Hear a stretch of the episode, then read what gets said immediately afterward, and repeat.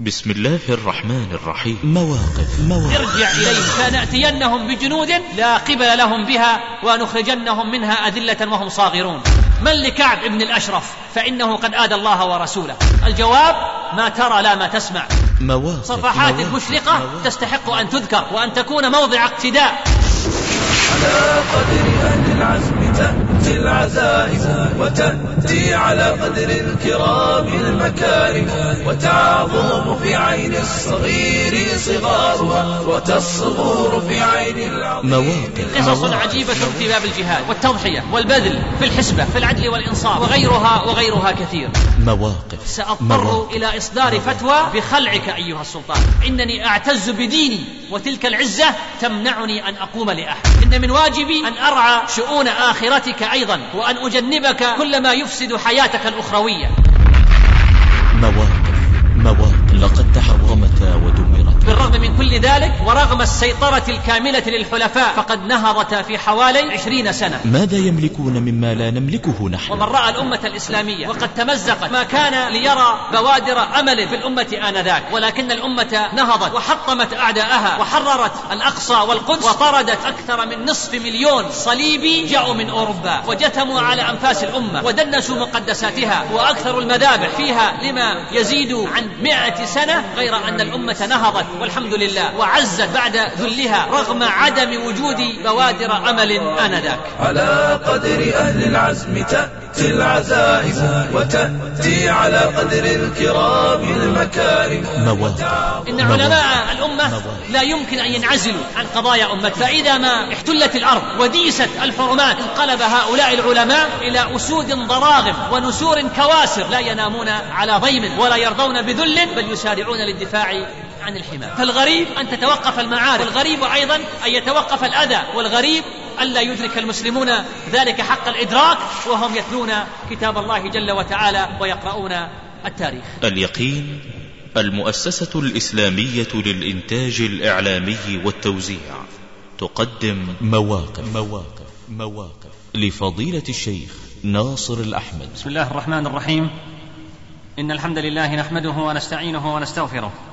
ونعوذ بالله تعالى من شرور أنفسنا ومن سيئات أعمالنا. من يهده الله فلا مضل له ومن يضلل فلا هادي له. وأشهد أن لا إله إلا الله وحده لا شريك له. وأشهد أن نبينا محمدا عبده ورسوله. اللهم صل وسلم وبارك على عبدك ورسولك نبينا محمد وعلى آله وصحبه وسلم تسليما كثيرا. ثم أما بعد. إن الذي يقلب في صفحات تاريخ هذه الأمة ليصيبه العجب وهو يقرأ ويتأمل في القصص والمواقف. ولولا أن الذي نقل إلينا هذه الأخبار ثقات لقلنا بأن هذه القصص ضرب من الخيال. ولا أخفيكم سرا أيها الأحبة لو قلت لكم بأني عندما بدأت أجمع أطراف هذه المحاضرة وقفت على مواقف وأخبار وقصص أصابتني حيرة كبيرة ماذا أنقل وماذا أدع. مواقف وقصص عجيبة في باب الجهاد والتضحية والبذل وأخرى في الزهد والورع والأمانة وثالثة في الحسبة ورابعة في العدل والإنصاف وغيرها وغيرها كثير. إن هذه الأمة معاشر الأحبة مقبلة على صحوة عظيمة رغم كل ما ينبئ باليأس من حولنا ورغم كل المآسي والمصائب التي تتناقلها الأخبار كل يوم ورغم التردي أيضا الذي نشهده على كل المستويات وفي كل المجالات. رغم كل هذا فالأمة مقبلة على صحوة عظيمة إن شاء الله تعالى. من رأى اليابان وألمانيا عام خمس وأربعين للميلاد وقد تحطمتا تحت ضربات الحلفاء في الحرب العالمية الثانية وتحت التدمير الهائل الذي خلفته القنابل النووية في هيروشيما وناغازاكي ولكن بالرغم من كل ذلك ورغم السيطرة الكاملة للحلفاء على اليابان وعلى ألمانيا حتى خطوا لهما دستورهما ومنعوهما من تشكيل الجيوش بل حتى قاموا بتقسيم ألمانيا إلى نصفين بجدار عجيب. رغم كل ذلك فقد نهضتا في حوالي عشرين سنة وصارتا من دول العالم الأول.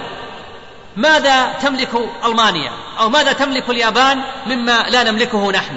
ومن رأى الأمة الإسلامية وقد تمزقت خلال الهجوم الأوروبي في فترة الحروب الصليبية ومن أدرك أيضا حجم التخلف والتردي الذي وصلت إليه الأمة ومدى الضعف والخور الذي أصابها والأنانية والشهوانية التي غرق فيها حكام الأمة آنذاك من تابع كل ذلك ودرسه بالتفصيل في كتب التاريخ من عرف كل ذلك ما كان ليتنبأ بظهور آل زنكي. ثم صلاح الدين الأيوبي وما كان ليرى بوادر أمل في الأمة آنذاك. ولكن الأمة نهضت وحطمت أعداءها وحررت الأقصى والقدس وطردت أكثر من نصف مليون صليبي جاءوا من أوروبا وجتموا على أنفاس الأمة ودنسوا مقدساتها وأكثروا المذابح فيها لما يزيد عن مئة سنة غير أن الأمة نهضت والحمد لله وعزت بعد ذلها رغم عدم وجود بوادر أمل آنذاك. ومن رأى حال الأمة وقد عبثت بها جيوش التتار الهمجية الذين قضوا على كل حضارة مروا عليها. ومن تتبع ما فعلوه من قتل وتدمير في بغداد عاصمة الخلافة وما أحدثوه من خراب بها حتى جعلوا الكتب جسرا في النهر تمر عليه خيولهم فقضوا بذلك على أعظم تراث للفكر الإنساني من تخيل مشهد المغولي وهو يطلب من أربعين من المسلمين أن يبقوا في مكانهم حتى يذهب ويأتي بسيف ليقتلهم به فلا ينفر منهم أحد ولا يقاوم منهم أحد. ومن رأى كيف سقطت الأمة الإسلامية بأيديهم من المشرق حتى احتلوا الشام وفلسطين ودخلوا القدس والأقصى من علم كل ذلك أيها الأحبة لم يتخيل أبدا أن بوادر العز وأن بوادر النصر كانت خبيئة في الأمة على يد مملوك تحرر. فقضى سيف الدين قطز على المغول في عين جالوت وأعاد العزة والمجد لهذه الأمة من حيث لم تحتسب. وأيضا أيها الأحبة من رأى حال المسلمين في بلاد الأندلس؟ وقد تمزقوا إلى اثنتين وعشرين دويلة طائفية مثل عدد الدول العربية اليوم.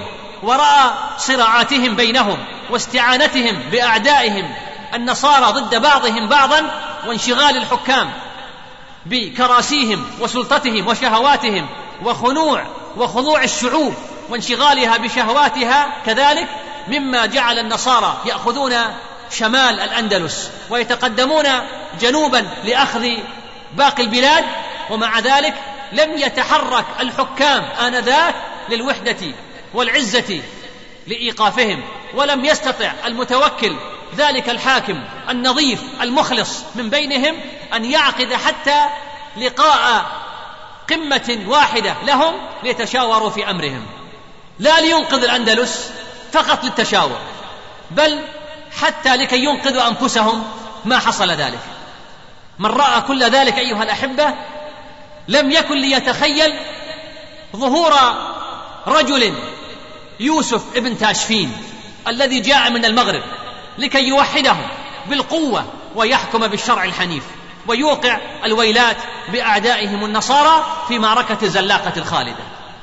ولعلي في هذه المحاضرة أقف معكم على بعض المواقف البطولية من تاريخ هذه الأمة أو على بعض صفحاتها المشرقة لعل أن يكون في ذكرها ما يبعث الأمل ويجدد الإيمان في قلوبنا فبعضها مواقف لعلماء وبعضها لحكام وبعضها لأفراد لكن الذي يجمعها أنها مواقف بطولية وصفحات مشرقه تستحق أن تذكر وأن تكون موضع اقتداء وسأنتقل بك يا أخي الكريم من موقف في الشرق إلى موقف آخر في الغرب ومن موقف في الصبر إلى موقف في التضحية وهكذا وبعضها أتركها لك دون تعليق فذكرها دال على العبرة منها أسأل الله جل وتعالى أن ينفع بها الجميع. الموقف الأول. علم السلطان سليم الأول أحد سلاطين الدولة العثمانية أن الأقليات غير المسلمة الموجودة في إسطنبول آنذاك من الأرمن والروم واليهود بدأت تتسبب في بعض المشكلات للدولة العثمانية. وفي إثارة بعض القلاقل فغضب لذلك غضبا شديدا وأعطى قراره بأن على هذه الأقليات غير المسلمة اعتناق الدين الإسلامي ومن يرفض ذلك ضرب عنقه.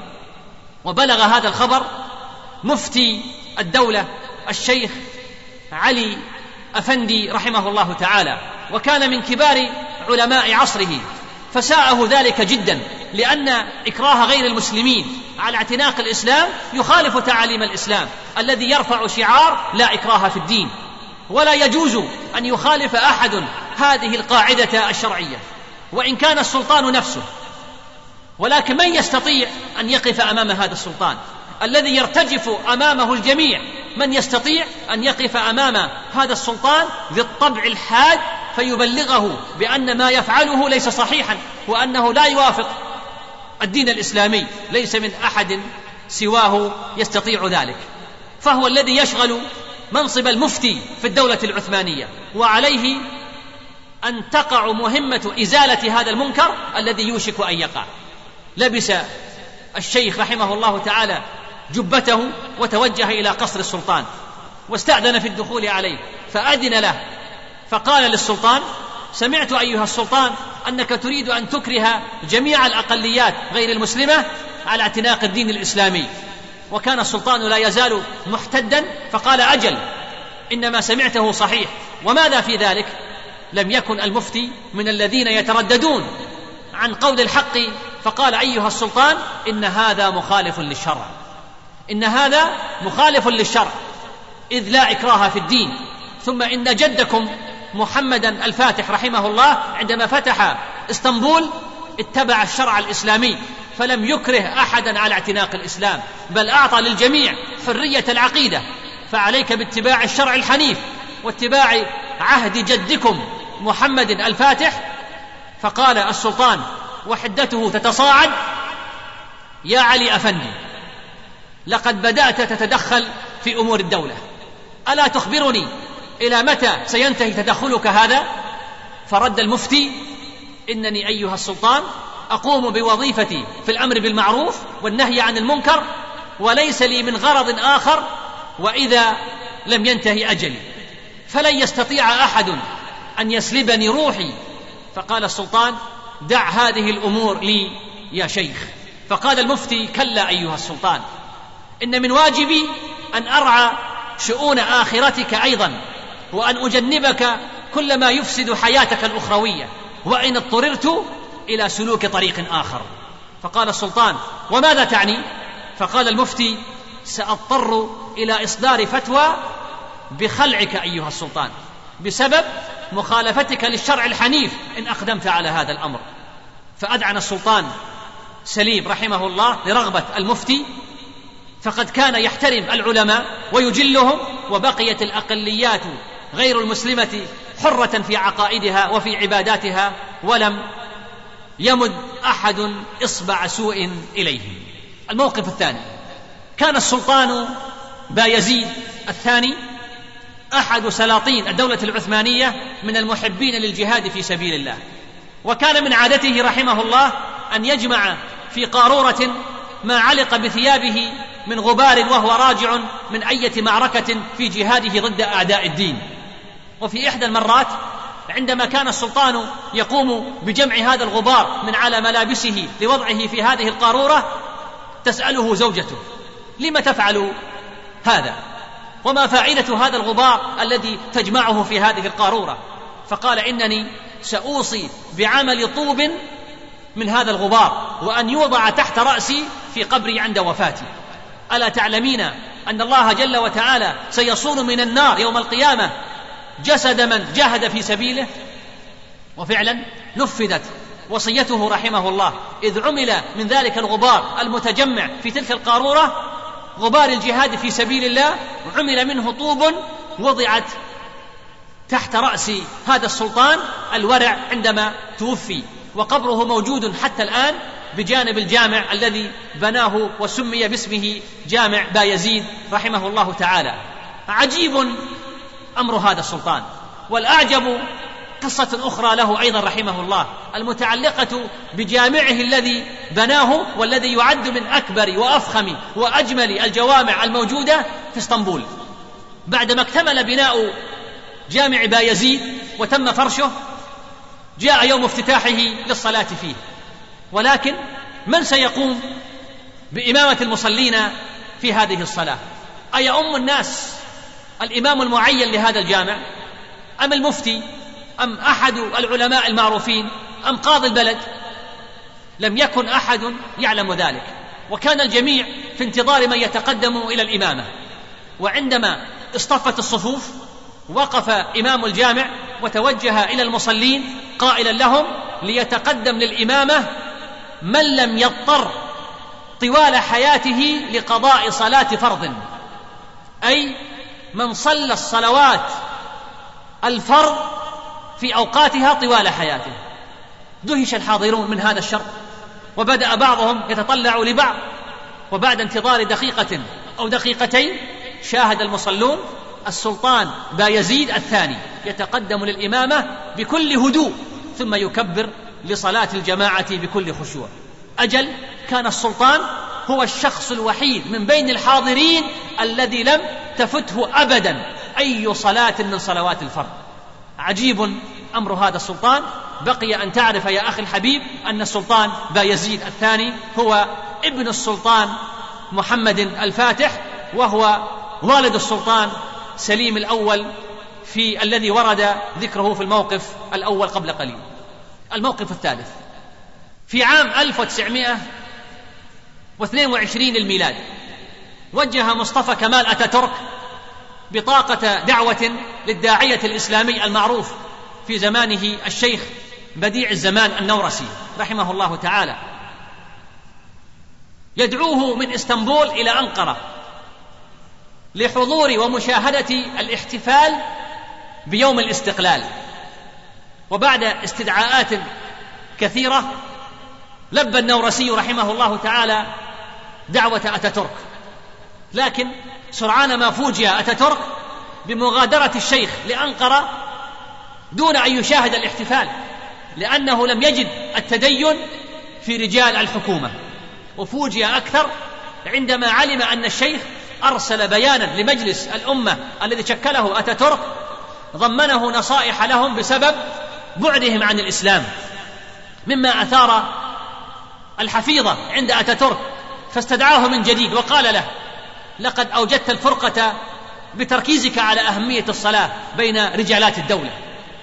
فرد النورسي رحمه الله ملوحا بسبابته مهددا وهو يشير بها إلى عين رئيس الدولة صارخا في وجهه أمام مجموعة من النواب والشخصيات يا اتاتورك إن الصلوات اليومية هي أول علامات يعرف بها المسلم. ولذلك ترفضه أنت اعلم أن تارك الصلاة خائن وحكم الخائن مردود ومن هنا فلا يمكن الرضا بحكمك. احتار أتاتورك. ماذا يصنع مع هذا العالم؟ مع الشيخ النورسي رحمه الله تعالى. ففكر في طريقة لشراء ذمة هذا الشيخ. فقرر أن يعينه رئيسا للوعاظ في أناضوليا وعضوا تنفيذيا في جامعة دار الحكمة مع إعطائه قصرا فخما لإقامته. لكن الشيخ عرف مقصد أتاتورك ورفض كل شيء وهاجر من أنقرة ضاربا عرض الحائط بكل مغريات أتاتورك الخبيثة. إن شراء الذمم أيها الأحبة إن شراء الذمم وسيلة لم تنقطع على مدى التاريخ. وقد وقع في هذا الفخ بعض العلماء في حين وقف البعض الآخر بكل جرأة في وجه هذه المحاولات. وإن من أسباب ضعف العالم الإسلامي اليوم هو فقدان هذه النوعية من العلماء الذين يعرفون جيدا هذه الوسيلة. ولا تأخذهم في الحق لومة لائم. ولا تأخذهم في الحق لومة لائم. ليقاوموا المفاسد التي فشت في أمة الإسلام وليواجهوا مخططات الأعداء التي وضعوها لضرب هذا الدين. لقد مات أتاتورك. لقد مات أتاتورك ومات قبله وبعده الكثير من الظلمة وانطفأ ذكرهم بموتهم رغم محاولات التلميع التي أضفاها عليهم المصفقون والمزايدون. أما شيخ النورسي رحمه الله وأمثاله من العلماء الذين صدعوا بالحق فأتباعهم يكثرون ويزيدون والتاريخ ما زال يذكر لهم جهادهم. فأين الثرى من الثريا؟ أين الثرى من الثريا؟ بقي أن تعرف يا أخي الحبيب أن الشيخ بديع الزمان النورسي رحمه الله الذي أكرم الله به المسلمين في تركيا إبان حكم اتاتورك التحق بالجيش التركي. هو وثلاثة آلاف من تلاميذه وخواص طلابه خلال الحرب العالمية الأولى للقتال ضد للقتال ضد روسيا القيصرية. على الرغم من معارضة النورسي لدخول الدولة العثمانية الحرب في البداية. وخلال القتال جرح الشيخ رحمه الله ثم وقع في الأسر مع البقية من تلاميذه إذ كان الكثير منهم قد استشهد أثناء القتال الضاري ضد الاحتلال الروسي وذا وذهبوا به إلى سيبيريا. وفي الأسر وقعت له حادثة كادت أن تودي به إلى الإعدام.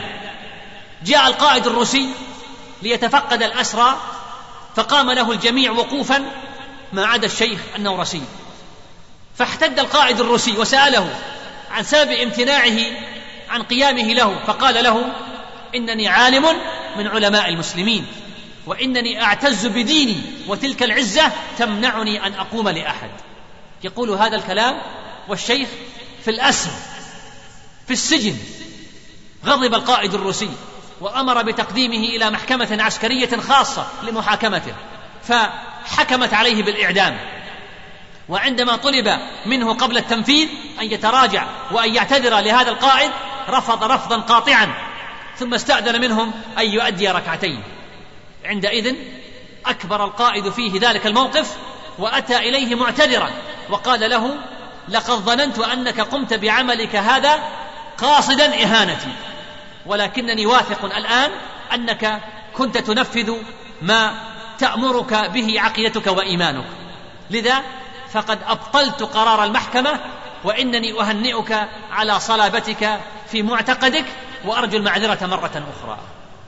إن علماء الأمة أيها الأحبة إن علماء الأمة لا يمكن أن ينعزلوا عن قضايا أمتهم.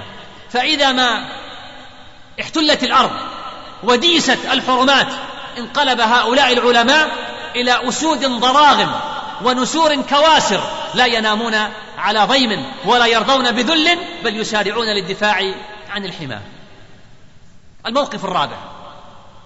في سنة مائة وسبع وثمانين للهجرة نقض صاحب الروم نقفور الصلح الذي كان بين المسلمين وبين الإمبراطورة أريني.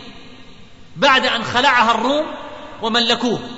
فكتب إلى هارون الرشيد من نقفور ملك الروم إلى هارون ملك العرب. أما بعد فإن الملكة التي كانت قبلي أقامتك مقام الرخ وأقامت نفسها مكان البيدق.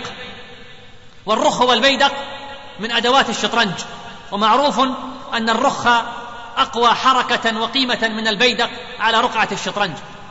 فحملت إليك من أموالها ما كنت حقيقا بحمل أمثالها إليها. لكن ذلك ضعف النساء وحمقهن. فإذا قرأت كتابي هذا فإذا قرأت كتابي هذا فاردد ما حصل قبلك من أموالها وافتد نفسك بما يقع به المصادرة لك. وإلا فالسيف بيننا وبينك. فلما قرأ الرشيد الكتاب استفزه الغضب رحمه الله حتى لم يكن لأحد أن ينظر إليه فضلا عن أن يخاطبه. وتفرق جلساؤه خوفا من زيادة قول أو فعل يكون منهم. واستعجم الرأي على الوزير من أن يشير عليه أو يتركه يستبد برأيه دونه. فدعا بدوات وكتب على ظهر الكتاب بسم الله الرحمن الرحيم من هارون أمير المؤمنين إلى نقفور كلب الروم. قد قرأت كتابك يا ابن الكافرة والجواب ما تراه لا ما تسمعه والسلام. ثم شخص من يومه رحمه الله وسار حتى أناخ بباد بباب مدينة هرقلة. ففتح وغنم وخرب وحرق فطلب نقفور الصلح والموادعة على خراج يؤديه في كل سنة. فأجابه الرشيد إلى ذلك. فلما رجع من غزوته وصار بالرقة نقض نقفور العهد وخان الميثاق. وكان البرد شديدا فيأس نقفور من رجعة الرشيد إليه. وجاء الخبر بارتداده عما أخذ عليه فما تهيأ لأحد إخباره بذلك إشفاقا عليه. وعلى أنفسهم من الكرة في مثل تلك الأيام. فاحتيل عليه بشاعر يسمى أبا محمد بن عبد الله بن يوسف فقال له في قصيدة مطلعها نقض الذي أعطيته نقفور وعليه دائرة البوار تدور. فلما فرغ من إنشاده قال الرشيد أو قد فعل نقفور ذلك وعلم أن الوزراء قد احتالوا له في ذلك. فكر راجعا رحمه الله. في أشد محنة وأغلظ كلفة حتى أناخ بفنائه فلم يبرح حتى رضي وبلغ ما أراد وأذل نقفور وجنده. هذه صورة من صور عز الأمة الإسلامية يوم كانت مرهوبة الجناب قوية الأركان واليوم واليوم تنتقص الأمة من أطرافها ويهزأ بها كل الأمم. لأنها هانت على الله عز وجل فأهانها على أيدي الأراذل وشرار الخلق من أمثال اليهود والنصارى. عندما تضعف أمة الإسلام فإن الأمم تطمع بخيراتها ومقدراتها بل تتجرأ إلى غزو ديارها. وإن الأمم بعامة واليهود والنصارى بخاصة لا يجدي معها سوى لغة إلقام الحجر ولا يردعها سوى لغة خمس فواسق يقتلن في الحل والحرم ولا يردها خاسئة حقيرة ذليلة إلا منطق سليمان عليه الصلاة والسلام ارجع إليهم فنأتينهم بجنود لا قبل لهم بها ونخرجنهم منها أذلة وهم صاغرون. ولا يقطع دابرها سوى مقولة من لكعب بن الأشرف فإنه قد آذى الله ورسوله ولا يردها عما عزمت عليه غير منطق الجواب ما ترى لا ما تسمع. فلله در هارون الرشيد ألا يوجد مثلك اليوم رجل رشيد؟ يا ألف مليون تكاثر عدهم. إن الصليب بأرضنا يتبختر. فالحرب دائرة على الإسلام. يا قوم فهل منكم أبي يثأر؟ إنا سئمنا من إدانة منكر. إنا مللنا من لسان يزأر. يتقاسم الأعداء أوطاني على مرأى الورى. وكأننا لا نشعر. أين النظام العالمي ألا ترى؟ شعبا يباد وبالقذائف يقبر أين العدالة؟ أم شعار يحتوي سفك الدماء وبالإدانة يستر؟ ما دام أن الشعب شعب مسلم لا حل إلا قولهم نستنكر. يا أمتي والقلب يعصره الأسى. إن الجراح بكل شبر. تسعر والله لن يحمي ربى أوطاننا إلا الجهاد ومصحف يتقدر.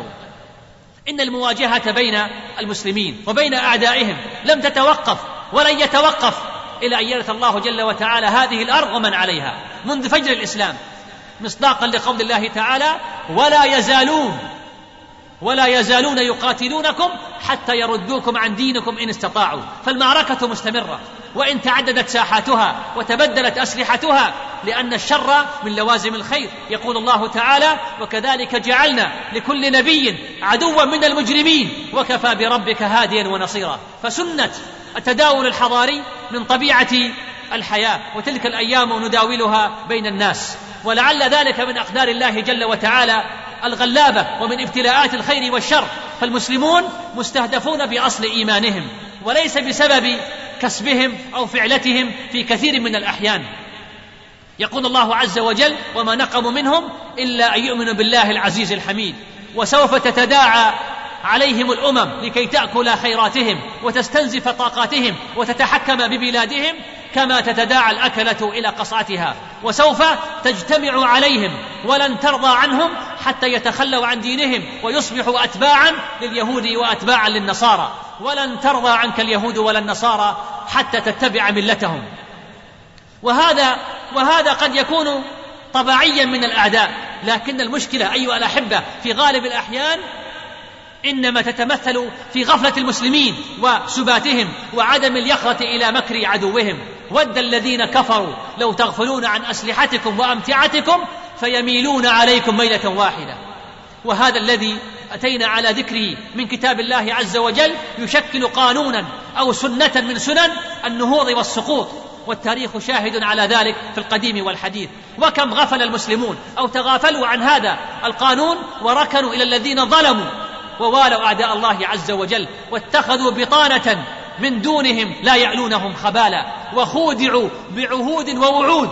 فكان السقوط وكان التخلف وكانت الهزيمة الثقافية والسياسية والعسكرية لكن من نعمة الله جل وتعالى على المسلمين.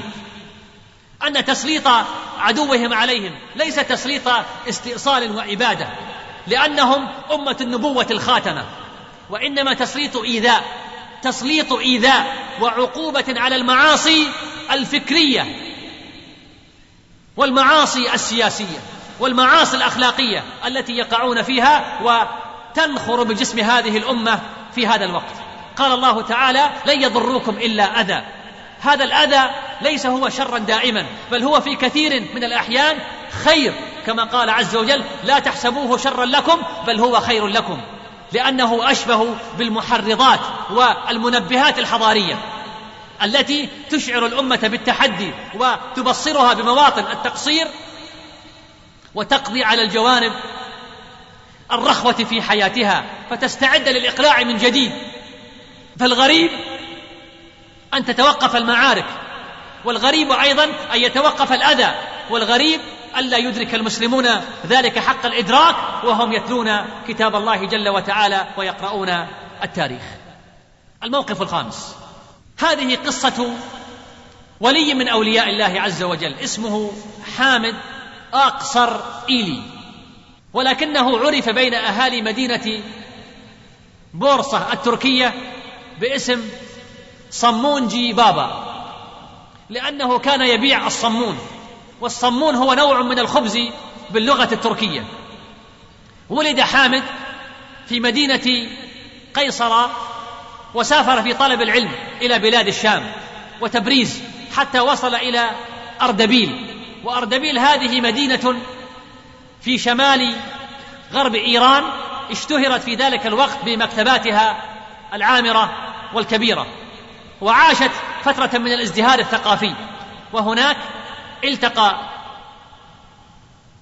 حامد بالعالم الكبير في وقته علاء الدين الأردبيلي رحمه الله تعالى ولازمه وبقي في خدمته سنوات عديدة فنهل من علمه ودرج مثله في مدارج الورع والزهد ثم رجع وسكن في مدينة بورصة التركية وكانت آنذاك عاصمة الدولة العثمانية. كان ذلك في عهد السلطان بايزيد الأول. قضى صمون جبابة سنوات عديدة من عمره في هذه المدينة يخبز الخبز في فرنه المتواضع في بيته الصغير ثم يضعه في سلة كبيرة يحملها على ظهره ويمشي في الأسواق وفي الأزقة وما أن يراه الصبيان الصغار حتى يهتفوا جاء صمون جبابا جاء صمون جبابا وسرعان ما يتجمعون حوله ويبتاعون منه ذلك الخبز اللذيذ كان جميع أطفال وصبيان وأهالي بورصة يحبونه فوجهه نوراني وهو بشوش يحب الأطفال ويلاطفهم وخبزه حار ولذيذ ونظيف. وعندما بدأ السلطان بايزيد ببناء الجامع الكبير اعتاد عمال البناء شراء الخبز من حامد صمونجي بابا. اكتمل بناء هذا الجامع. الذي يعد آية من آيات العمارة الإسلامية وتعد الآيات الكريمة التي إيه، تزينه آية في فن الخط وتقرر افتتاحه بصلاة الجمعة. وفي يوم الجمعة حضر السلطان بايزيد الأول رحمه الله إلى الجامع مع الوزراء والعلماء وجمع وفير من أهالي بورصة حتى امتلأ هذا الجامع الكبير على سعته.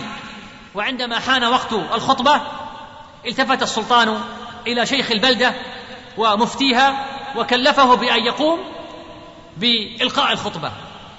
وقف الشيخ قرب المنبر وبدأ يجول ببصره في الحضور وكأنه يفتش وكأنه يفتش عن أحدهم. أجل كان يفتش عن صمونجي بابا فهو يعرف قدره وعلمه وإن جهله الناس. اعتقدوا أنه ليس إلا رجلا طيبا يبيع الخبز وأخيرا وقع بصره عليه.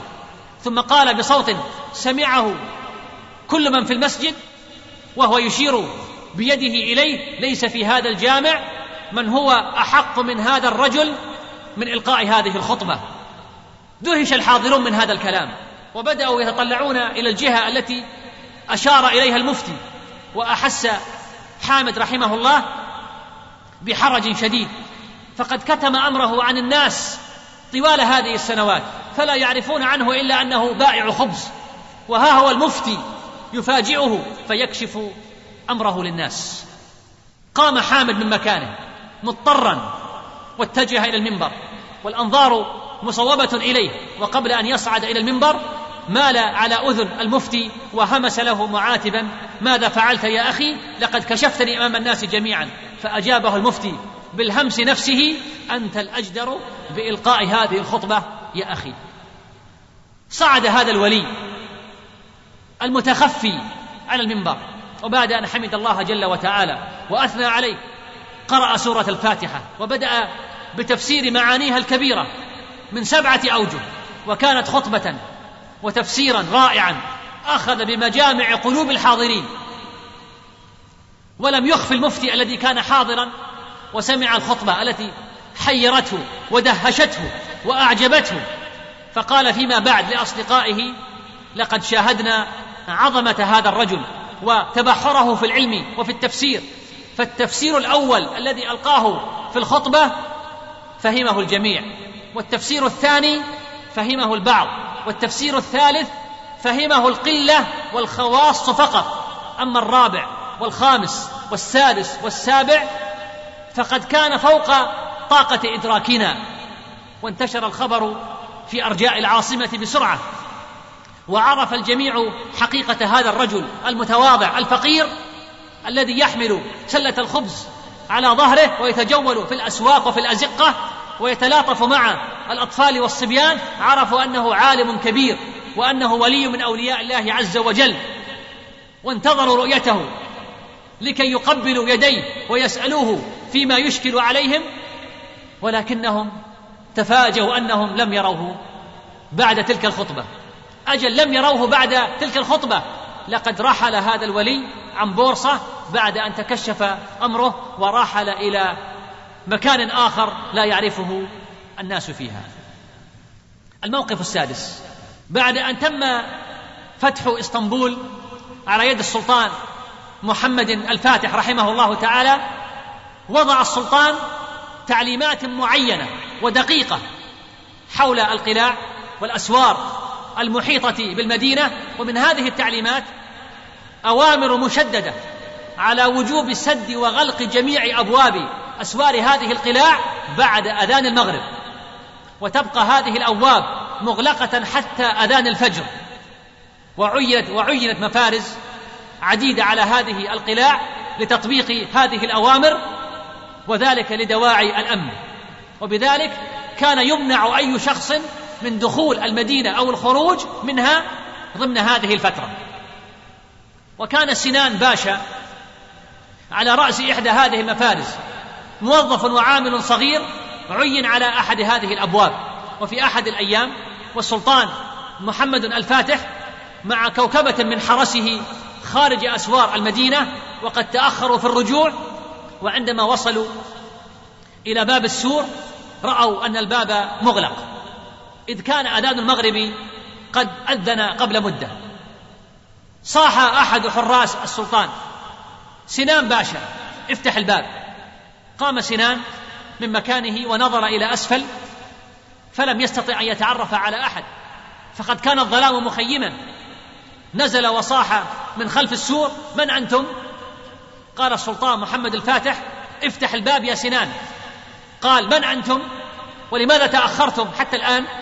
ولم يستطع أن يميز صوت السلطان ولم يكن السلطان يعلن عن هويته. فقال السلطان لا تسأل من نحن افتح الباب. فاحتد سنان. كيف لا أسألكم؟ ألم تسمعوا بأمر السلطان؟ كيف أستطيع أن أفتح باب القلعة في هذه الساعة المتأخرة؟ اذهبوا من ها هنا. أو انتظروا حتى أذان الفجر. لا أستطيع مخالفة أمر السلطان. أم تريدون أن أسمع منه تقريعا بسببكم؟ ضحك السلطان وقال كلا يا سنان لن تسمع تقريعا من السلطان إنني أتكفل بهذا لك.